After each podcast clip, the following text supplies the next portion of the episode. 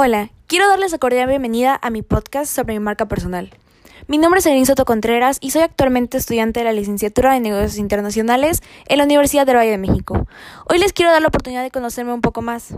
Me caracterizo por ser una persona que le apasiona escuchar las opiniones y el sentido de los demás.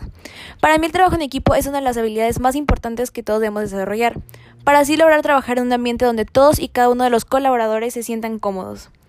Que sea un espacio donde puedan desarrollar su trabajo de forma segura. Por último, soy fiel creyente de que trabajando duro puedes alcanzar tus metas. Muchas gracias por escuchar un poco más de mí. Hasta la próxima.